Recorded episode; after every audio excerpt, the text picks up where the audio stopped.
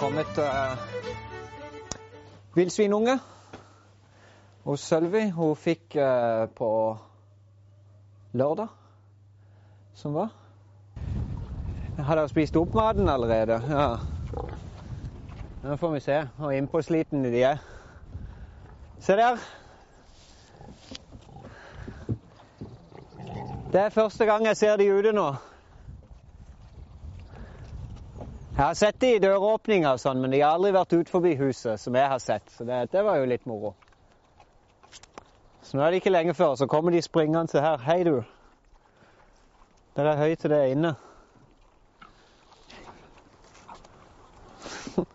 Nei, jeg får hive inn uh, Nå fikk vi jo et lite glimt, glimt av de der. Så jeg hive inn dette høyet til de, sånn at uh, For det med, på grunn av all den gjørma og sånn noe, så drar Sølvi inn mye fukt inn, så det, det blir nokså fort fuktig inni der. Så hiv inn noe tørt høy og noe spon i ny og ne for å holde det som tålelig greit. Ellers så Bruno han har blitt forvist. Han, han sover ute under åpen himmel for tida. Han ligger på fòrplattingen der og snorker.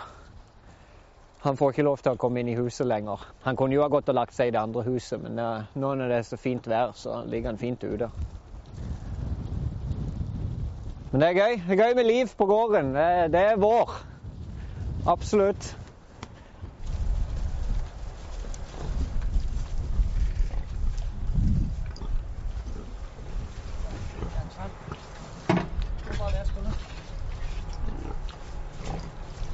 Passe på. Nysgjerrig på hva som skjer. Han har nok et lite sånn foreldre, føler nok et lite foreldreansvar, han òg. Selv om ikke han får lov til å gå inn. Han har jo alltid vært veldig flink med grisungene og sånn, så Han spiser litt høy òg.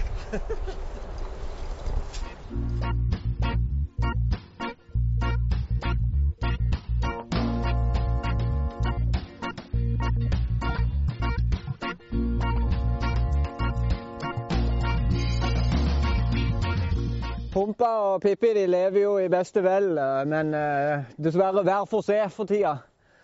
Uh, hun har funnet ut at hun vil heller bo hos hønsene. Hun drev og prøvde for et par uker siden så drev og prøvde å spille og prøvde å lokke han til seg, men jeg, jeg tror rett og slett ikke han er i stand. Jeg har ikke sett han har vært oppe med vingefjæren eller noen ting. Så jeg tror ikke han er i stand til å, å klare å, å pare. Så om det er det hun har gitt opp og bare flytta ut, eller hva som har skjedd, det vet jeg ikke. Men hun bor i hvert fall her hos hønsene. Så jager jeg henne tilbake igjen, så er det bare et øyeblikk, så er hun her igjen. Så, så eh, må nok prøve å få tak i noen flere påfugler, skal det bli noe kylling av det. Men eh, Humpa skal få lov til å leve sine lykkelige dager, hoppe rundt. Det ser ut som han har det greit. Nå er han inne. Han er mye inne, men han er mye ute òg her. og Halefjørene vokser og blir lange og fine. Og... Sånn er det nå. Ikke, liksom, når en blir handikappa, så kan det gå den veien. Nå skal vi gå bort til kua. Nå har det kommet, til fått de, de, første tegnene på at det begynner kanskje å nærme seg noe kalving og noe greier. Jeg har gått og sett på på kuene. Selvfølgelig så ser jeg på dem. Når jeg er her og gir dem mat, så kikker jeg jo på dem. Men uh, hun har endra atferd uh, en del. Tidligere så har hun vært veldig um, Eller hva skal jeg si Ikke aggressiv, men hun har, liksom, hun har ikke hatt noen ting problem med å dytte vekk Ola. Liksom, nå, her er det min mat og sånn. Det har snudd fullstendig. Nå unngår hun Ola. Hun holder seg på avstand. Du ser hun kommer inn på skrå sånn og ikke vil, vil, helst ikke stå rett på sida. Og, og, og, og, trekker seg mye vekk og ligger litt for seg sjøl, gjerne. Um, det, det, sånn har det blitt liksom den siste uka. Så jeg har gått og kjent på henne tatt på henne og følt på henne og snakka med henne. Og det, nå begynner de første tegnene som viser at det begynner å nærme seg uh, noe kalving. Blant annet her om dagen så her om dagen så la jeg meg inntil henne for å kjenne For å ha litt å ha litt vom, så la jeg meg inntil her for å kjenne. Og da syntes jeg nokså tydelig at jeg kunne kjenne at det var noe som bevegde seg inni der. Uh, akkurat som kalven sparka, kan du si. Uh, det kan selvfølgelig være noe luft i maven på henne, uh, hva som helst, men jeg syns, jeg syns det virka sånn. Så da fikk jeg en liten bekreftelse på at ja, det er nok kalv her. Ellers så er hun jo god og rund i forhold til Ola, som er mye flatere på sidene. Hun har litt, litt mer bollemave her. Uh, men ellers har jeg gått og litt, kjent litt på juraen hos henne, på spenene. Og der Så nå kommer Ola. Da går hun vekk. Sånn var hun ikke før. Sånn har hun blitt nå i det siste. Og da Kjent etter her.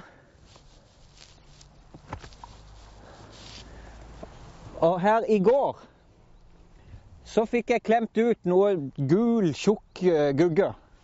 Av alle fire spenene, faktisk.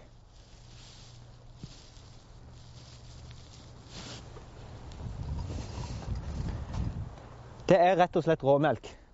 I dag så kom det mye lettere. Og det er råmelka. Det første, første melka kalven drikker, de kaller det for råmelk. Og det smaker pyton. det smaker skikkelig ekkelt. Det er som snørr, vet du.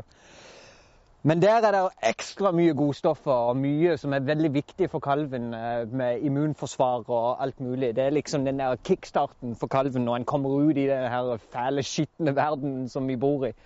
Så må han få inn alle disse her stoffene sånn, sånn at han kan få styrka immunforsvaret og, og klare rett og slett å overleve. Uh, så det er veldig viktig. Det, hvis ikke de får i seg den råmelka, så er det, er det nesten Da er den kalven nesten dødsdømt.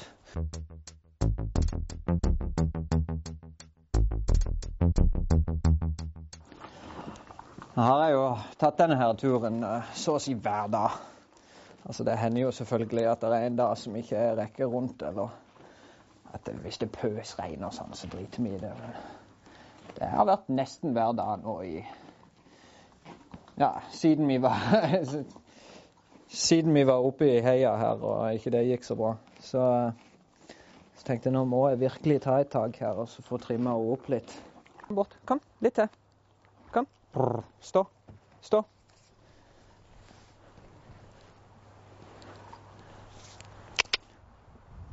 Så drar vi på tur.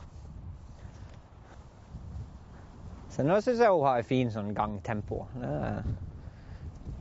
Nei, du skulle ikke stoppe. Bare gå over den. Kom an.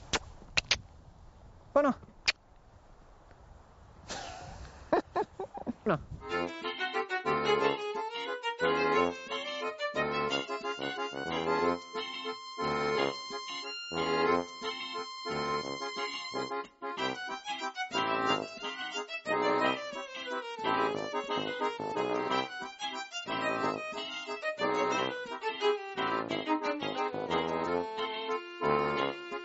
Har jeg glemt det? Ja, rett og slett. Hvorfor sa du ikke noe? Sveisen var jo helt på trynet her.